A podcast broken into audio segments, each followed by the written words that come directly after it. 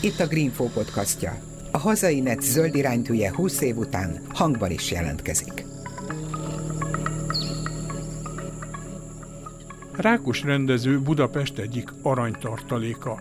Az elhagyott és szennyezett barna övezeti terület élettel való megtöltése, bevonása a város szövetbe nem csak Budapest, hanem az agglomeráció elemi érdeke is.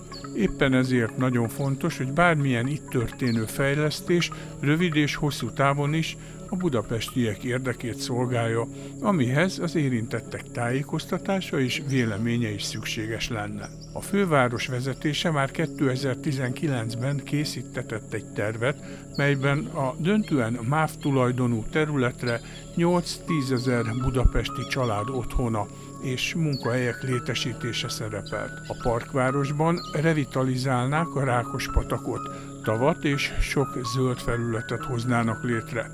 E terv most azért került elő, mert 2023. decemberében szivárgott ki az Orbán kormányi simlis terve, miszerint kiemelt állami beruházással a világ egyik leggazdagabb arab ingatlan befektetője egy dubai mintájú luxus lakóparkot, városnegyedet építene gazdag vevőknek, 220 méternél is magasabb látkép-romboló tájidegen felhőkarcolókkal. A mini Dubajt tervező arab befektető Mohamed Alabbar a szomszédos Belgrádban a kormány támogatásával már lassan egy évtizede építi a hatalmas ellentmondásokkal övezett úgynevezett Belgrád Waterfront városrészt. Jó lenne mások kárából tanulni, és nem kiárusítani a tőkének az 500 kilométeres körben egyedülálló rozsdaövezetet. A 220 méternél is magasabb toronyépületeket egyébként maga Lázár János építési és közlekedési miniszter is elítélte, míg Karácsony Gergely főpolgármester Balog Sabu kabinetfőnökkel közös háttérbeszélgetésen a főváros elképzeléseit bemutatva beszélt arról, hogy amire Budapestnek ma szüksége van, az a megfizethető otthonok és egy élhető, a 21. századi kihívásokra választadó városrész. E podcast a Budapest Parkváros koncepcióról december 8-án tartott beszélgetés szerkesztett változata. Üdvözlöm a hallgatókat, én Sarkadi Péter a szerkesztő vagyok. Érdemes a hangmegosztók helyett a Greenfo YouTube csatornáján hallgatni az adást, mert ott a látványtervekkel jobban érthetőek az elmondottak. Nagyon sokat beszélünk a barna mezős területekről, és nagyon sokszor elmondtuk már, hogy ezek a város arany tartalékai, ehhez képest viszonylag kevés szó esik ezekről a témákról, és ez nagyon fontos a rákmosező kapcsán megértsük azt, hogy ezek miért is annyira fontosak. Induljuk onnan, hogy mik azok a kihívások, amikkel szembe kell nézni a városainak és Budapestnek is. Egyrészt nyilvánvaló, hogy van egy klímaváltozási folyamat, miközben küzdünk azért, hogy csökkentsük a városok kibocsátásait és a klímaváltozások szembeni küzdelemben kivegyünk a részünket. Nekünk városi szinten az is nagyon fontos, hogy egy klímaváltozási folyamat elindult, és ez alapvetően meghatározza a városi létezésünknek a paramétereit, és csak és kizárólag olyan módon lehet a városban nagy fejlesztéseket csinálni, ami számol azzal, hogy ez a klímaváltozás már itt van. Magasabb átlaghőmérséklettel, sokkal több kiemelte meleg nappal, másfajta csapadékmennyiséggel, másféle minőség és másfajta mennyiségű csapadékkal. Másik az, hogy nyilvánvaló, hogy a városok nem tudnak együtt élni azzal a egyéni gépjármű forgalom mennyisége, ami ma jelenleg Budapesten és az agglomerációban van, tehát át kell alakítanunk a városunkat egy fenntartható mobilitási pályára. És van egy harmadik, ez pedig az, hogy a város csak akkor lesz élhető, és akkor tudunk megfelelni azoknak az életminőséggel kapcsolatos kihívásoknak, hogyha meg tudjuk állítani azt a folyamatot, amely Budapesten és az agglomerációban kialakult, mégpedig azt röviden összefoglalva, hogy a Budapest népessége csökken, az agglomeráció idő. Ha megnézzük a demográfiai előjelzéseket, akkor itt egy egészen hátborzoltató urbanisztikai katasztrófa előtt állunk, ami egyébként megváltoztatható, tehát nekünk erősítünk van abban, hogy nem kell elfogadnunk azt, hogy ez így következzen be. De ha megnézzük a KSH prognózisait a Magyarországon belüli népesség növekedési folyamatokról, akkor ez gyakorlatilag azt mutatja, hogy a központi régió Budapest és az agglomerációnak a népessége 2051-ig nagyon jelentős mértékben növekedni fog, és ennek a belső struktúrája az úgy néz ki, hogy a budapesti népesség csökken, az agglomeráció pedig nő.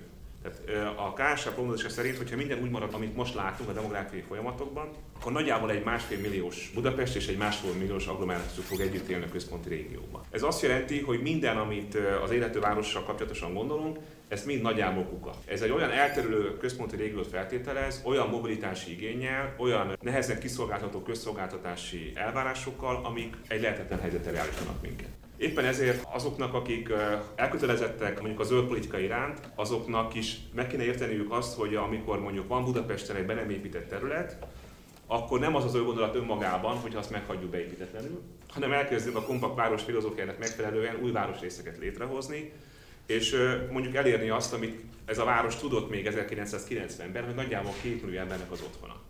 Nyilvánvaló, hogy 1990-ben az emberek sokkal kisebb lakásokban éltek, más életszínvonalon, más elvárásokkal, tehát ahhoz, hogy a város tudjon két millió embernek otthont adni, ez szerintünk egy elementális érdek a központ régiónak, ez tulajdonképpen az egyik legfontosabb célkitűzés, de ehhez nyilvánvalóan új városrészeket kell tudnunk fölépíteni. Ez nem olyan magától értetődő, hogy ez működhet, hiszen a legtöbb budapesti lakos vagy kerületi polgármesterek valójában már a túlépítésre panaszkodnak, részben joggal, mert a beruházási igények ugye oda mennek, ahol a legolcsóbban meg lehet valósítani ezeket a beruházásokat, jellemzően olyan zöld területek felelése történik, amelyek kapcsán lehet, hogy jobb hasznosítás is lehet. És itt jövünk vissza az eredeti témákhoz, ugye ez a, a rozsővezetek. Tehát nagyon fontos látnunk azt, hogy a budapesti lakosok, a budapesti kiköltözők fejében is nagyjából ugyanazok az elvárások vannak egy a lakókörnyezetükkel kapcsolatosan.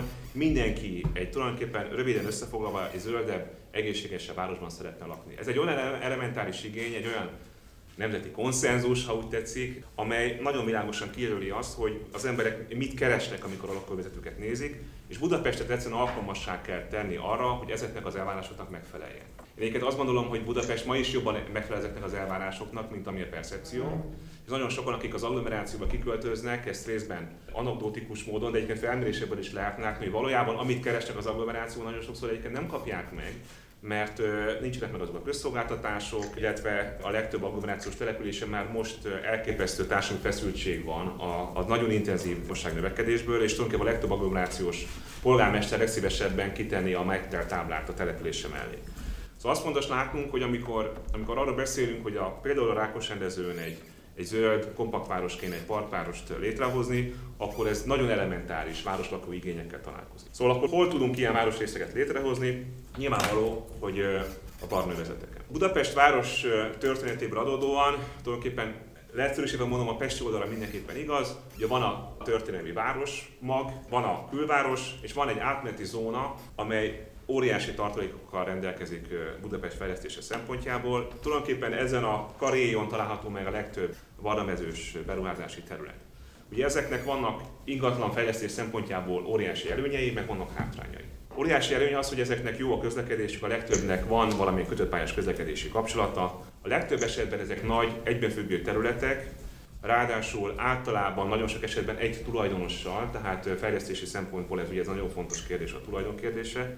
És vannak benne olyan ipari műemlékek, amelyek persze gondos hozzáállás feltételeznek és igényelnek, de tulajdonképpen nem, van egyfajta atmoszférájuk, egy történeti épített örökség. De a probléma az, hogy éppen ezeknek az ipari ingatlanoknak a hasznosítása sokszor magasabb forrásigényt feltételez, és nagyon súlyos probléma az, a rákos rendetől is egyébként, hogy gyakorlatilag a teljes talaj az serére, vagy legalábbis hát nagyon drága és költséges rekultivációra szorul. De összességében mégiscsak, hogyha ha onnan indulunk ki, hogy ennek a városnak 2050-ben is élhetőnek kell lennie, és onnan indulunk ki, hogy ez, ez csak akkor, ér, akkor lehetséges, hogyha a város nem elterül, mint egy lepény Budapest környékén, hanem a funkciós várost megpróbáljuk egyre inkább a város közigazgatási területen belül megőrizni és, és, és továbbépíteni, akkor nyilvánvalóan ezek olyan rejtett tartalékai városnak, amelynek az értéke felbecsülhetetlen. Természetesen ez egy magánberuházónak nem biztos, hogy az, az ő közvetlen érdekeivel ez feltétlenül mindig találkozik, de mi azt gondoljuk, hogy az, hogy Budapest életőségét megőrizzük, hosszú távon évtizedek előre gondolkodjunk, és mivel ezek a területek egyébként közösségi tulajdonban vannak, tehát minden beruházás, ami itt történik, tulajdonképpen a közösségi tulajdonnak az értékét növeli, ezért azt gondoljuk, hogy teljes joggal a budapesti vagy éppen az európai adófizetők pénzéből ezeket a területeket érdemes fejleszteni.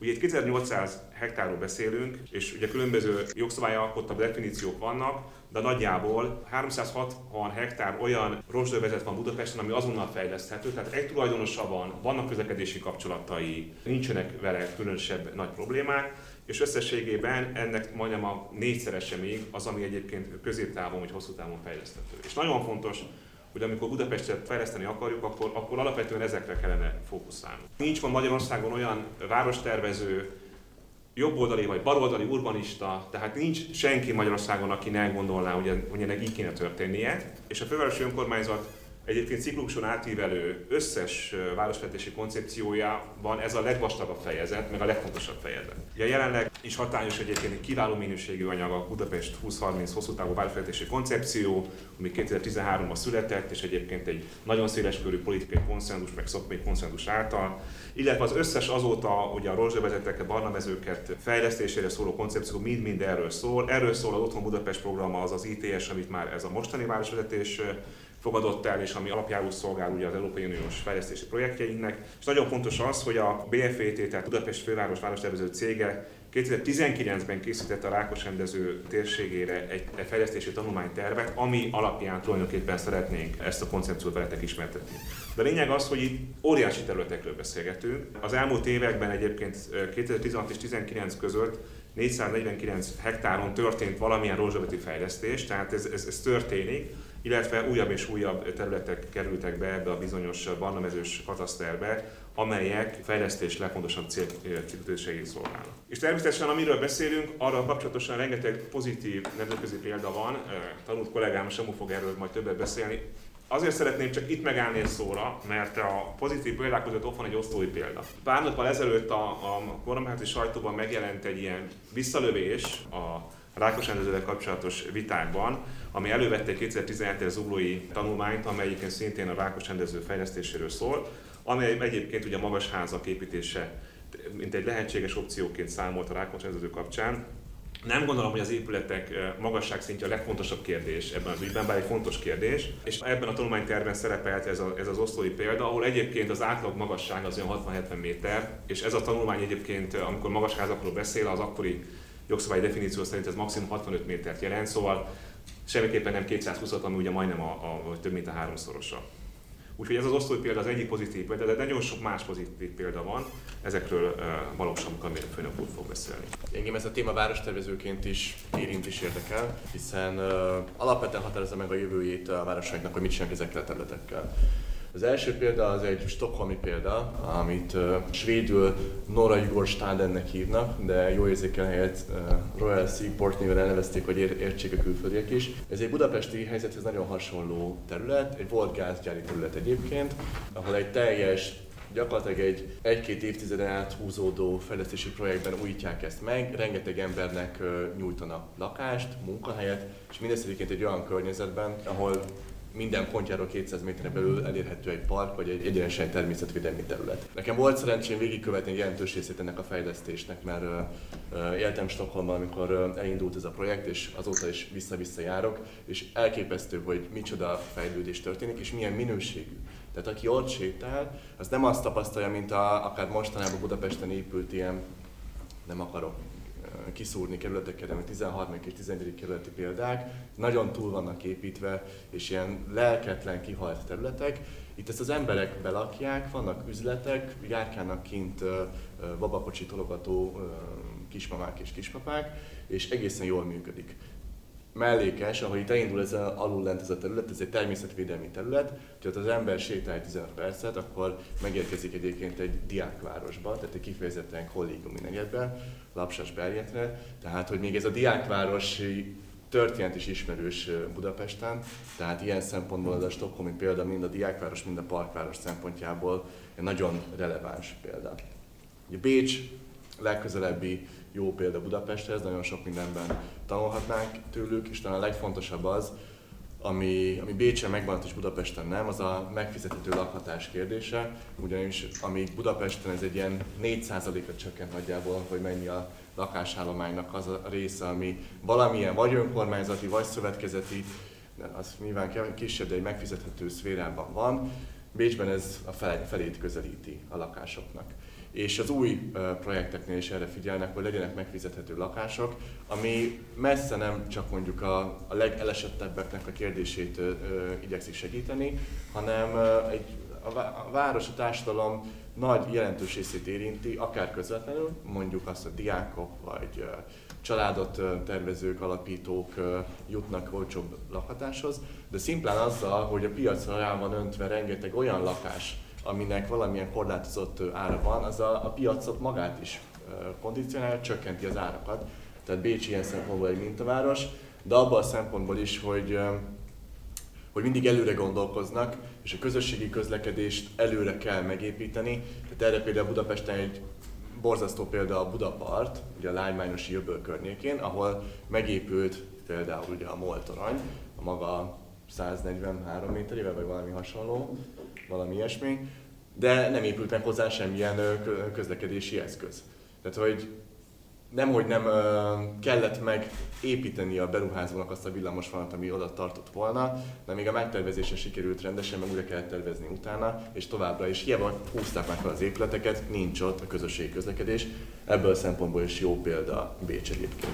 Berlinből egy másik példa kifejezetten vasúti területeknek a zöld hasznosítására. Itt egy olyan parkot látunk, ami egy egykori vasúti pályaudvarnak a a része volt, azzal, hogy megépítették Berlinben egy ilyen észak-déli átmérős alagutat, és az S-Bahn vonalakat oda terelték, felszabadult a felszínen a terület, tájépítészetileg ezzel játszott, sok helyen meghagyták a vágányokat, tehát hogy nem veszíti el a kulturális identitását a terület, de egyrészt egy hatalmas közpark az ott élő embereknek, másrészt, ami korábban egy elválasztó tengely volt, mert a vasúton átkelni nyilván nehéz, ez összekötött ezeket a városrészeket, és egy új városnegyed jött ezzel létre. És az az igazság, hogy Budapesten is van jó példa. Lehet, hogy nem akkora léptékű, mint tőlünk nyugatra és északra, de a Graphisoft Parknál látjuk azt, hogy egy egykori gázgyárti területen, ipari területen magán erő bevonásával igenis lehetséges jó és működő városfejlesztést csinálni, mértéktartó beépítéssel, nem hivalkodó, magáról dicsekedni kívánó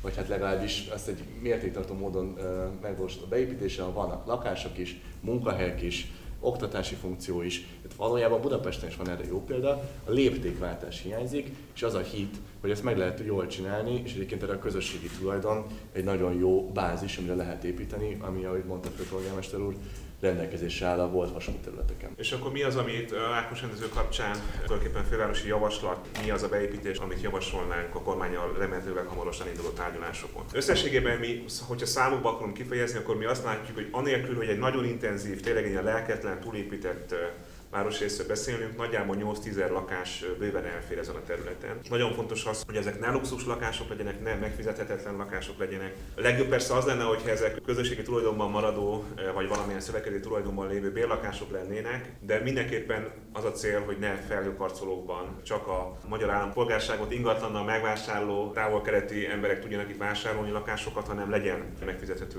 lakhatás. Mi azt gondoljuk, hogy nagyjából 30-40 hektár városi közpartnak lennie kell, el, és itt egy nagyon fontos és kevésbé hangsúlyozott eleme ennek a területnek, hogy itt folyik a, a város egyik legnagyobb városi patakja, ugye a Rákos patak, aminek a vízminőség egyébként nagyon jelentős mértékben javult, amelynek a rekultivációja elindult Zuglóban az egyik szakaszon, már teljesen természet közeli állapotot sikerült kialakítani, egyébként szintén egy ingatlan, egy magáningatlan fejlesztővel tulajdonképpen megfinanszíroztatva ezt a beruházást, tehát vannak ilyen, ilyen példák. És nyilván nagyon fontosak a közlekedési kapcsolatok, hál' Istennek itt nagyon jó kiinduló opcióban indulunk, de nyilván vannak további fejlesztés. Tehát a BFVT 2019-es tanulmányterve több verzióval számol, több beépítési javaslattal, ezek közül az egyik, és ez a tárgya lehet, hogy ez a legjobb, talán mi úgy érezzük, hogy ez a legjobb, Tulajdonképpen ez egy klasszikus kompakt város, ugye számol a mostani egyik nagyon fontos sport és kulturális létesítményekkel, ugye a BVSC sportteleppel, illetve a vasútörténeti parkkal. De fontos tudnunk, a vasútörténeti park Magyarország egyik legnépszerűbb közgyűjteménye, amiben gyakorlatilag bármennyire is furcsa, hogy a közlekedési múzeumról beszélünk, szinte megközelíthetetlen a közösségi közlekedéssel, de egyébként egy egészen páratlan érték, és, és egyébként nagyon fontos ipari műemlékekkel, tehát nem csak a vasútető parknak, hanem az ott lévő. Hát aki látta azt a viszonyot, aki tudja, hogy beszél, egészen fantasztikusan gyönyörű ipari műemlékekkel is. És nyilván ott van a, a Rákos patak, illetve mi azzal számoltunk, hogy megmaradnak a vasúti területek egy része, Ugye a Lázár miniszter arról beszélt, hogy ezeket le lehetne fedni, nyilván ezekről lehet beszélgetni, bár egyébként azt előre szeretném mondani, hogy az a zöld terület, amit a vasúti, lefedett vasúti töltések felé raknak, az pont akkor a kamu, mint a, mint a Néprajzi Múzeum teteje. Tehát az a leg, legfeljebb zöldnek látszik, de az nyilván minőségi zöld nem lehet a lefedett vasúti sínek felé tenni. Tehát mi azt gondoljuk, hogy legalább 30-35 hektár zöld területnek lennie kell, ami gyakorlatilag a, a mostani területnek a közepén lehet, és a 13. kerület, illetve a 14. kerület felől részén is lakóterületeket el tudunk képzelni, irodaépületeket, ami azokon a helyeken kellene valószínűleg megvalósítani, ahol a legjobb a közlekedési kapcsolat, ott lehetne a legmagasabb épületeket is felhúzni, és ugye nagyon fontos, hogy a körvasút sornál lehetne egy intermediális csomópont, ugye ott lehetne a körvasúti vasúti hálózathoz kapcsolódni, illetve ideális esetben ugye a kisföldalatti végállomását is ott lehetne elhelyezni. Mindenképpen nagyon fontos, hogy a millenniumi földalatti felújítása is megtörténjen, hiszen hogyha egy plusz kapacitást kap, akkor egyszerűen a mostani hálózat ezt nem bírja el, és hogy a járműveknek az életciklusának a végénél tartunk, tehát nyilván a meghosszabbítás és a meglévő szakasz felújítása és a járműcsere együtt ad ki egy értelmes projektet. Lényeg az, hogy a kompakt városban gondolkodunk, tehát ahol mindenféle vegyes funkciók vannak, park, lakóépület, munkahely, szolgáltatások és jó közlekedési kapcsolatok. Tulajdonképpen itt most lenne egy történelmi lehetőség arra, hogy Budapest és Magyarország megcsinálja az első valóban kompakt városmodellt, amit később egyébként más városokban vagy Budapesten más területeken ugyanígy lehetne alkalmazni, és ezeknek a monofunkcionális a városfejlesztéseknek a történelmi könyvekbe iktatni, és úgy városfejleszteni, hogy a kompakt város filozófiának megfelelően a különböző vegyes funkciókat kiszolgáló városrészek jöjjenek létre, amelyek csökkentik azt a mobilitási igényt, ami most jelenleg a városban van. Még ehhez talán két gondolat, ami fontos megjegyezni. Ez egy 2019-es tanulmánytervből kiemelt rajz. Miért fontos ez? Egyrészt ebben tényleg egy politikai szakmai konszenzus van. 19-ben készült el, nyilván nem az új városvezetés megrendelése alapján, ez egy hosszabb munka volt, tehát ebben látszik, hogy a, a Fideszes Talos István vezette főváros is abban a keretben gondolkozott, amiben az új vezetés. Ez látható egyébként is a főváros más dokumentumain is, hogy szakmai szinten nem volt eltérés, én mindig azt mondom, hogy az új vezetés komolyan is gondolja ezeket, és elindultunk ebbe az irányba. A másik, ami, amiért fontos, hogy ez 19-es, hogy azóta azért persze ezzel történt már sok minden. Amit itt látunk, az egy akkori állapota a tervezésnek, ez több ponton már meghaladott. Tehát például a Szegedi úti felüljáró nem látható ezen az ábrán úgy, ahogy aztán az később tervezte az állam, és uh, nyilván más részletek is vannak, amiket tovább kell gondolni, vagy már tovább is gondoltak mások. Épp ezért is elképesztő az, hogy ezt a kormány most kidobta, ezt az egész gondolkodást a kukába. Láttuk ezt már egyébként a diákváros esetében. Ott is egy állami projektről volt szó, ami kivételes esetként nagyon jót tett volna a város egészének, az itt élőknek, de aztán jött egy külföldi érdek, ott egy kínai magánegyetem, itt pedig egy arab beruházónak a fejlesztési érdeke, amiért kidobja az állam azt az egyébként szakmai konszenzust élvező tervét, amit korábban egyébként fővárosi tervekkel összhangban is végzett. Tehát, hogy ezt nyilván tovább kell gondolni, ezt azért is mutatjuk, hogy ez nem újdonság, tehát hogy nem most húztuk elő a fejünkből, hanem egyébként a kormány és a Fidesz által nyilvánvalóan ismert szakmai koncepció. Ha belemegyünk a részletekbe, hogy mi ezt parkvárosnak hívjuk. Miért hívjuk parkvárosnak? Azt gondoljuk, hogy ez nagyon jól megfogja a lényegét. Nem egy kertváros. A kertvárosban nagyon kevesen tudnak élni arányaiban. Budapest egy nagyváros, és főleg, hogyha vissza akarjuk, meg akarjuk közelíteni a régi népességét, olyan városrészekre van szükségünk, ahol sokan tudnak lakni jó minőségben, és azt akarja kifejezni ez a parkváros gondolat, hogy ezt viszont egy, egy nagy központi zöld felület, egy park közé szeretnénk szervezni, ahol mindenkinek van lehetősége élvezni az előnyeit. Tehát, hogy ezért választottuk ezt a, ezt a megnevezést. Most csak néhány aspektusra kitérve, a közlekedés az egyik legfontosabb szempont. Nyilván az itt lévő vasútvonal önmagában ad egy nagyon jó lehetőséget a Rákos rendező állomásnak a felújításával és kibővítésével, a Szegedi úti felüljáró megépítésével, itt villamos kapcsolatok építésével. Ez a térség egy nagyon jó kapcsolattal rendelkezik már most is, és ez fejleszthető, de a föld a meghosszabbítása is, ahol egyébként csak egy zárójelben ez egy releváns vita, hogy ez milyen nyomvonalon valósuljon meg. Nyilván, hogyha a rákos rendezőnek a, a beépítése felmerül tényleg reális opcióként, akkor nagyon fontos az itt húzódó rákos rendezői nyomvonalat elővenni, de a föld alatti az, ami gyakorlatilag meghosszabbítva, egészen eddig a körvasútmenti pontig ki tudja szolgálni ennek a, a területnek a, az egészét. Nyilván kell beszélni itt közúti kapcsolatokról, tehát hogyha az a szám, amit Lázár miniszter úr mondott, aztán elképesztően túlzó és a 30 ezer parkolóhely, tehát hogy elképesztő szám. De nyilván attól még közúti kapcsolatokat kell biztosítani, ennek egyik része a Szegedi úti felüljáró, és az északi végén is meg kell teremteni az M3-as autópálya, illetve a Váci út irányába, de ezek is szerepelnek régóta a főváros terveiben. És nyilván kell gondolni a gyalogos és kerékpáros közlekedésre is, főleg egy olyan területen, aminek a, fókusza ez a szelíd közlekedés, a parkváros. Itt nagyon fontos tengelyeket lehet létrehozni, akár például a Rákospatak mentén. A fővárosnak erre voltak tervei, vannak tervei, és hogyha megérkeznek az uniós források, akkor folytatjuk is a Rákospatak mentén a kerékpáros és gyalogos közlekedés fejlesztését, de a belváros felé is meg lehet teremteni ezt a kapcsolatot a Podmanicki út térsége felé. Terézvárosnak a, a tervei ott is az, hogy átalakítsák a rostadövezetet egy zöld dominanciájú területté. Bocsánat, csak annyi, hogy a Szeged úti felüljáró megépítésének az egyik Szerintünk legfontosabb cél egyébként a hármas villamos meghosszabbítása, tehát hogy a béketér felé legyen egy villamos kapcsolat Zugló és Csizamli kerület között. Lakhatásról is beszéltünk. Jelentős része ennek a területnek lakófunkció lenne, nyilván a vegyes résznél is ez vegyes, tehát hogy jól megfelelnek egymás mellett akár irodák, akár szolgáltatások, klasszikus beépítés nem kell feltalálni újra a dolgokat. Az, hogy a, a térszinten, az utcaszinten boltok vannak, fodrászszalonok, bármi, gyógyszertár, stb. fölött a lakások, ezt nem kell újra feltalálni. Sajnos a városépítészet sokszor ezt elfelejti, de most ezt itt van lehetőség újra létrehozni, és egyébként nagyon fontos azt, és nyilván ez egy, ez egy nehéz tárgyalás, hogy mekkora mértéke az, ami lehet kifejezetten támogatott lakhatás, ahol megfizethető lakásokat tudunk biztosítani, de, de az a cél, annak kell lennie a célja egy ilyen fejlesztésnek, hogy Budapestre tudjuk hozni azokat az embereket, akik egyébként Budapesten akarnak boldogulni, itt akarnak dolgozni, itt akarnak tanulni, élni, és ma sokszor nem találják meg a lehetőségüket a városon belül.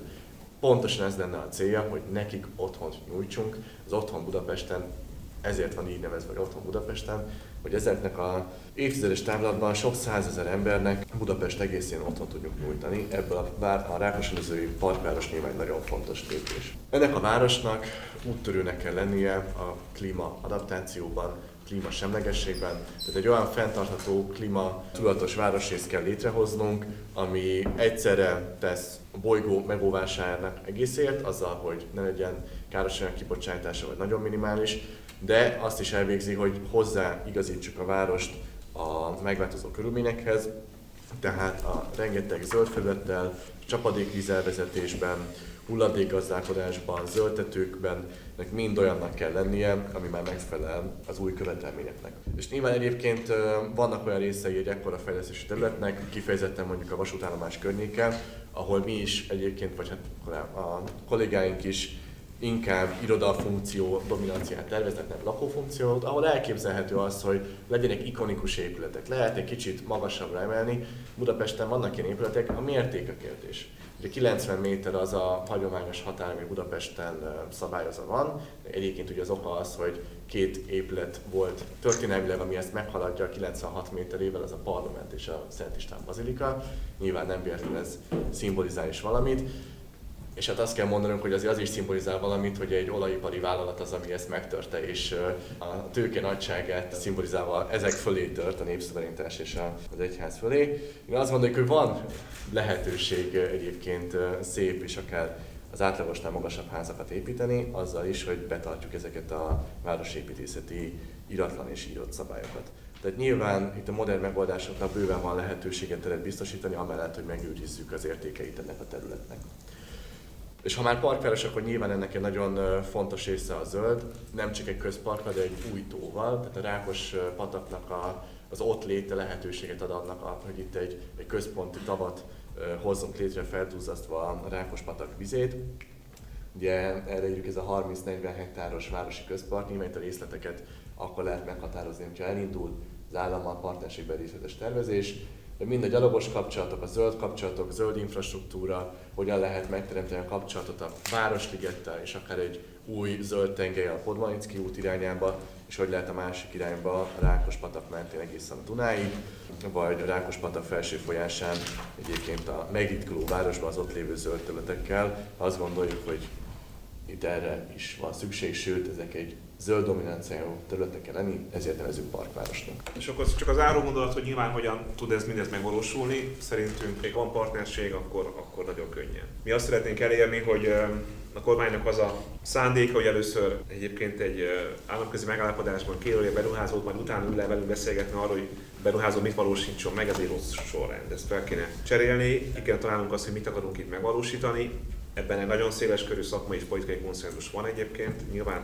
rengeteget lehet beszélgetni a részletekről, de alapvetően mi nagyjából a milyen város részt szeretnénk Budapestnek adni ezen a területen. Nyilván az állam egyfelől, mint finanszírozó, másrészt meg tulajdonos nyilván ott kell legyen az asztalnál, ez föl sem merül. Csak azt is gondoljuk, és ebben ugye Lázár miniszter úr azért megerősít minket, hogy azért a Budapest vezetése és a budapestiek nélküli döntéseket hozni azt gondolom, hogy nagyon helytelen lenne. És ne felejtsük el azt, hogy a közérdekű beruházások jelentős része, akár európai forrásból is elkészíthető, beleértve egyébként a közvetére kultivációt is. Tehát mi állunk minden tárgyalás és megbeszélés elé, Szerintem van egy nagyon világos koncepciónk arra, hogy mit kéne a területen megvalósítani. Budapestnek ez egy nagyon nagy előrelépés lenne, elsősorban azért, mert egyszer végre csinálnánk valamit, ami egy koncepciózus terv, ami alapján a későbbi rózsavezetek fejlesztése meg tud valósulni, és azért a, nem gondoljuk azt, hogy magántőke nélkül ez megcsinálható, tehát ez, ez önmagában egyáltalán nem, nem jelent ö, problémát. Ráadásul amilyen helyzetben van a magyar költségvetés, a fővárosról nem is beszélve, nyilván nem is tűnik reális opciónak az, hogy mondjuk azt a Bécsben kitapasztalt sorrendet csináljuk, hogy először megvannak a közérdekű beruházások, ettől felértékelődik a telek, és utána van valamilyen magántőke bevonás. Ez önmagában ördögtől való, hogy ez egyszerre történjen, de a partnerséget szeretnénk kialakítani és megőrizni ezen a területen, és akkor csinálhatunk valami nagyon jót, miközben nyilván a viharfelhők azért itt ülnek, itt vannak a fejünk fölött, hogy hogy valami nagyon jó helyet, valami nagyon rossz fog történni ezen a területen. Mi a magunk részéről minden politikai, jogi és egyéb lehetőséget meg fogunk ragadni azért, hogy, hogy a, ezt a random politikai szándékot összeegyeztessük azokkal a koncepcionális tervekkel, amelyekről az elmúlt percekben beszéltünk. Most nem az fontos, hogy meg akarjuk keresni ezt a lehetőséget, hogy a budapestekéket elmondják ebben a véleményüket. Tehát, hogy melyik a szimpatikusabb koncepció. Mi azt gondoljuk, hogy a város jövő évtizedeket megcélzó stratégiai kapcsán szerettünk volna, és szeretnénk egy újabb társadalmi egyeztetést, ha úgy teszik egy újabb budapesti lakógyűlést, Nyilvánvaló, hogy azok az éles politikai viták, amik most kinyíltak, például arról, hogy milyen magas lehet egy épület, vagy hogyan lehet védeni a Genomi emlékművet és a hősök terének a történelmi látványát. Dolgozunk, hogy a jövő elején a budapestieket megkérdezzük többek között olyan kérdésekről is, amely a Rákos rendezőre tervezett városközponttal kapcsolatos hát úgy tetszik, mandátumot adnak a városvezetésnek a kormányjal való tárgyalásokhoz. Kérdés. Arra csinálta bárki már látványtervet, vagy ilyen látás tengelyvizsgálatot, hogy mekkora az az épület Rákos rendező területén, ami már megjelenik az Andrássy út látványából? Csináltunk ilyen látványvizsgálatokat, nem csak az Andrássy út környékéről, hanem egyébként a város több pontjáról, Gellért, egy stb. Ugye a főpolgármesternek a Facebook oldalán megjelent egy kép, de azt kell mondjam, hogy azért nem teljesen túlzó. Tehát ahhoz képest, ami, amit ezek a méretek jelentenek. Csináltunk arra is látványokat, hogy hogy néz ki ez a megjelent 240 méterrel látványában, elképesztő, de egy moltorony nagyság is érdemben meghatározza és át, átalakítja a hősöteinek a látképét. Tudsz arra mondani egy számot, hogy mi az a, a magasság, amitől megjelenik a hősök tere látványában? Vagy az András út bármely pontjáról, mert ugye ez egy hosszú tengely. Igen, igen. Épp akkor a baj, hogyha megjelenik mondjuk az oktogontól. Épp ezért nem lehet pontos számot igen. mondani, mert hogy más az a szám, amikor igen, ott állunk a, igen. a millenniumi emlékmű előtt, és az kitakarja, és, és vagy az oktogontban nézünk. De hogy mégis mi az a pont, amitől ez elkezd látszani? Én azt gondolom, hogy nem véletlen, hogy, hogy ez a 90 méter az, amit mm. meghatároztak korábban. Itt a Moltoronynál is még ezt mesélték a kollégák, hogy ez még előttünk történt, volt arra javaslat, hogy egy kicsit mhm. visszafogták volna, betartják ezt a 90 métert, és hátrébb tolják az a telket, akkor nem teszi tönkre a panorámát. Mert egyébként a Gellért hegy, azt úgy ápolis eltakar, szépen kitakarta volna a, a belváros irányába, de nem, valószínűleg az volt a cél, hogy ez látszon. Tehát, hogy én azt gondolom, ha már ebbe valaki ennyi pénzt bele, belölt, akkor ne az legyen az eredmény, hogy nem látszik. Úgyhogy nem véletlen ez a... Tehát körülbelül azt lehet mondani, hogy ez a 90 méter alatti magasság az, ami az András látványát nem változtatja meg. Igen, ez részben attól is függ, hogy hol vannak uh-huh. pontosan igen, a, a, terület, a, a területen belül, de összességében igen, nagyjából az rajzolódik ki, hogy ez a 90 méter ez egy eléggé nem véletlenül alakult ki ez a, ez a standard. És nyilván az elhelyezés sem Mm, mindig igen. a, a magánfejlesztési területen belül. Arról lehet egyébként bármit tudni már? Azt látom, hogy ti, vagy annak idején ugye a 2000-es Igen. terv körülbelül hova javasolta, arról ti bármit tudtok már, hogy ők hova javasolják? Abban a furcsa helyzetben vagyunk, hogy azt tudjuk, amit a Lázár miniszter úr elmondott, illetve azt, amit, eh, amit a sajtó kiszivárogtatott. Tehát eh, ez önmagában szerintem egy nagyon-nagyon hát ez egy banánköztársasági működés, hogy van egy ilyen léptékű ingatlan fejlesztés, a város hosszú távú koncepcióját ilyen mértékben befolyásoló, a külső tere látványát ilyen mértékben be- befolyásoló fejlesztési szándék, és ezt nem beszéljük meg a, a legitim városvezetéssel. Rosszul indult ez a kapcsolat, reméljük, hogy a későbbiekben ez meg fog változni. Ezzel a koncepcióval meg fogjuk keresni a minisztériumot. Még egyszer mondom, szerintem az egy nagyon-nagyon rossz irány, hogy előbb van a beruházó, és utána van meg a beruházás tárgya. Nem szívesen mondom, de ugye az államközi szerződésre ki lehet játszani a versenyeztetésnek a kérdését, de azért egy ilyen értékes terület kapcsán, tehát Sukolóért börtönbe lehetett menni annak idején, ezt csak úgy mondom. Most nyilván ez, ez ebben az értelemben jogszerű, tehát most szerintem állami vagyont versenyeztetés nélkül értékesíteni bármilyen formában, közhasználati joggal, tulajdonnal, értékesítéssel, ez szerintem egyébként sem egy felelős gazdálkodás jelent. De nyilván nekünk a legfontosabb nem is ez a, ez a kérdés, hiszen ott az állam a tulajdonos, tehát neki kell a választópolgárok színei állni azzal, hogy jól gazdálkodott a vagyonnal. Nekünk az a fontos, hogy itt mi épül, és az semmiképpen nem gondolom azt, hogy az, tehát ez egy történelmi bűn lenne, hogyha beruházó érdekek határoznák ezt meg, és nem a város érdekek. Jól tudjuk, hogy kidobták azokat a terveket, hogy abban nem luxus lakások voltak 240 méteres felhőkarcolókkal, külföldi befektetőknek, akik kimetőek vásárolni az állampolgárságokat, hanem 8-10 ezer lakás budapesti családoknak.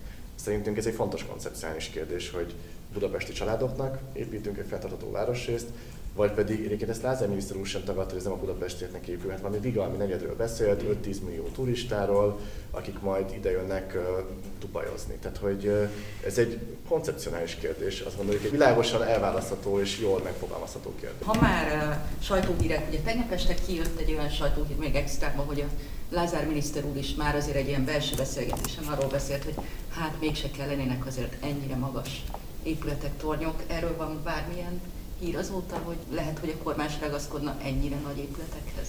Hát, ha Lázár miniszter úrnak ez a szándéka, akkor még jobban jár, hogyha velünk tárgyal, mert akkor meg tudjuk erősíteni őt ebben, a, ebben az alkofolyamatban. Az épületmagasság egy kérdés, a funkció a, a kérdés. Nyilván, hogyha valaki egy, egy turisztikai látványosságot akar, meg az emberi hiúság templomát akarja felépíteni, ami, ami ugye négyszer akkora, mint a magyar bazilika, akkor nyilván nagyon messze vannak egymástól a szándékaink. Ha ezek még belelógnának a hősük tere látványába, Andrássy út látványába, az, hogy a világörökséget ez veszélyeztethetné? Hát Szerintem egyébként ö, kifejezetten turisztikai szempontból nekünk lennének javaslataink, tehát hogyha több turistát akarnak, akkor ne tegyék tönkre a hősötere látványtervét, ami a legtöbb képeslapon rajta van. Kettő, építsük meg ezt a kompakt várost, és a vasútörténeti park egyébként higgyék el egy óriási turisztikai attrakcióvá tud válni, ami most is az, de akkor egy sokkal jobban megközelíthető hely lesz. Három, adjanak pénzt és behelyezzük be a biodómot, ami Európa legnagyobb biodómja, és akkor azt mondom, ez az 5 millió plusz turista, és ezt most minden irónia és vicc nélkül mondom, ez szerintem magától létrejön, anélkül, hogy felélnék a város aranytartalékait. Tehát igazából Budapest turisztikai ajánlatában ez a klasszikus családi turizmus abban állunk a legrosszabbul. A terület tulajdon viszonyairól mit lehet tudni az, az egészéről? Tehát eh, van-e egyáltalán fővárosi tulajdon a terület bármely részén, vagy itt, itt gyakorlatilag minden állam és MÁV és magán? Igazából a funkciós város résznek vannak kisebb kerületi, fővárosi, meg magántulajdonosai is. A terület túlnyomó többsége egy az egyben állami terület, illetve a rendszerváltás furcsaságaként vannak ilyen beékelődő magántulajdonok, ami kezelhető, az egyiknek a bérlője két valaki kutyapárt egyébként. De valójában az érdemi része az egy MÁV tulajdon, tehát ez nagyon könnyűvé teszi nyilván a fejlesztését, mert legtöbbször ezeknek a rózsavezetnek a tulajdoni struktúrája az nagyon nagy gátja annak, hogy fejleszteni lehessen. Ha kicsit tágabban gondolkodunk a rákos rendezőről, és nyilván, hogyha beindul egy nagy volumenű fejlesztés, akkor a peremterületeknek az bevonása is egy kézzelfekvő javaslat, ott azért vannak családi házasövezetek, meg kisebb ö, 13. kerületek, 11. kerületi, meg fővárosi tulajdonok is, de ezek csak a, a karéján vannak tulajdonképpen a fejlesztés területnek, a nagy többsége az egyszerűen állami tulajdon. Én egyébként egészen biztosan azt gondolom, hogy ha ezt a koncepciót sikerülne a kormány főváros ö, egyeztetés révén kilakítani egy, egy, egy ehhez hasonló koncepciót, vagy kilakítani egy ingatlanfejlesztési lehetőséget, és ez egy nemzetközi pályázatot kiírna a magyar kormány, akkor rengeteg érdeklődő lenne. Hát ez egy nem csak Magyarország legfontosabb rózsavete szerintem, szerintem ez európai léptékben is egy olyan erről vezet, amikor én zúli polgármester voltam és készítettünk egy tanulmányt, akkor azt láttuk, hogy 500 kilométeren belül ilyen városközeli, egybenfüggő, egy tulajdonos kezében lévő potenciális fejlesztési terület tulajdonképpen nincs. Tehát, hogy ez szerintem nem lenne probléma az, hogy találjunk befektetőt ennek a projektnek a megvalósításához. Más kérdés, hogy a gomb van előbb vagy a kabát. Ennek a 2019-es koncepciónak a, a területfelhasználási leosztása az bekerült a Budapest település szerkezeti tervében? Vagy hogy áll a jogi szabályozási része ennek?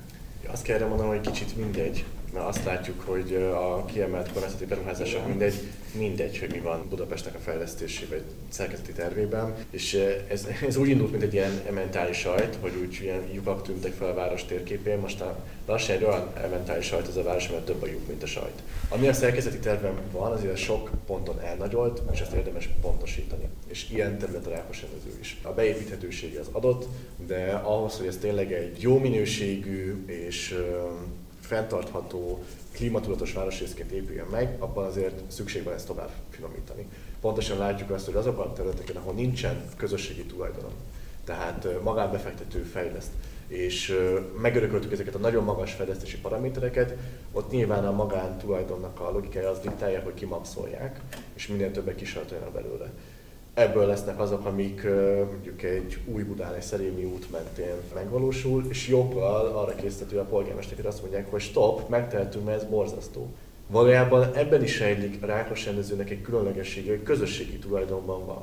Hogy ez most állami vagy önkormányzati, azt a budapestieket valószínűleg kevésbé érinti, vagy érdekli, és jogosan közösségi tulajdonban van. Lehetőség van közösségi érdekeket érvényesíteni, és persze ehhez meg kell tenni ezt a szabályozást, ami ezt szolgálja. Én azt gondolom, hogy a BFVT, ez a fővárosnak városnevező cége rendelkezik azzal a szaktudással, amihez a legjobban alkalmas állami cégek, agglomerációs települések, de még más vidéki magyar nagyvárosok is sokszor a BFT-vel dolgoztatnak azért, mert ehhez rendelkezésre kellő szakmai tudás. Az iménti felvétel a Budapest Parkváros koncepcióról december 8-án tartott beszélgetés szerkesztett változata, melyben Karácsony Gergely főpolgármestert és Balog Samu kabinetfőnököt hallottuk. Köszöni figyelmüket a szerkesztő Sarkadi Péter.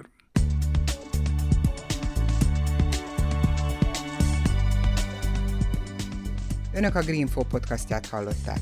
Ha kíváncsiak a következő részekre is, iratkozzanak fel csatornánkra, például a SoundCloud-on, a Spotify-on vagy az Anchor különböző platformjain.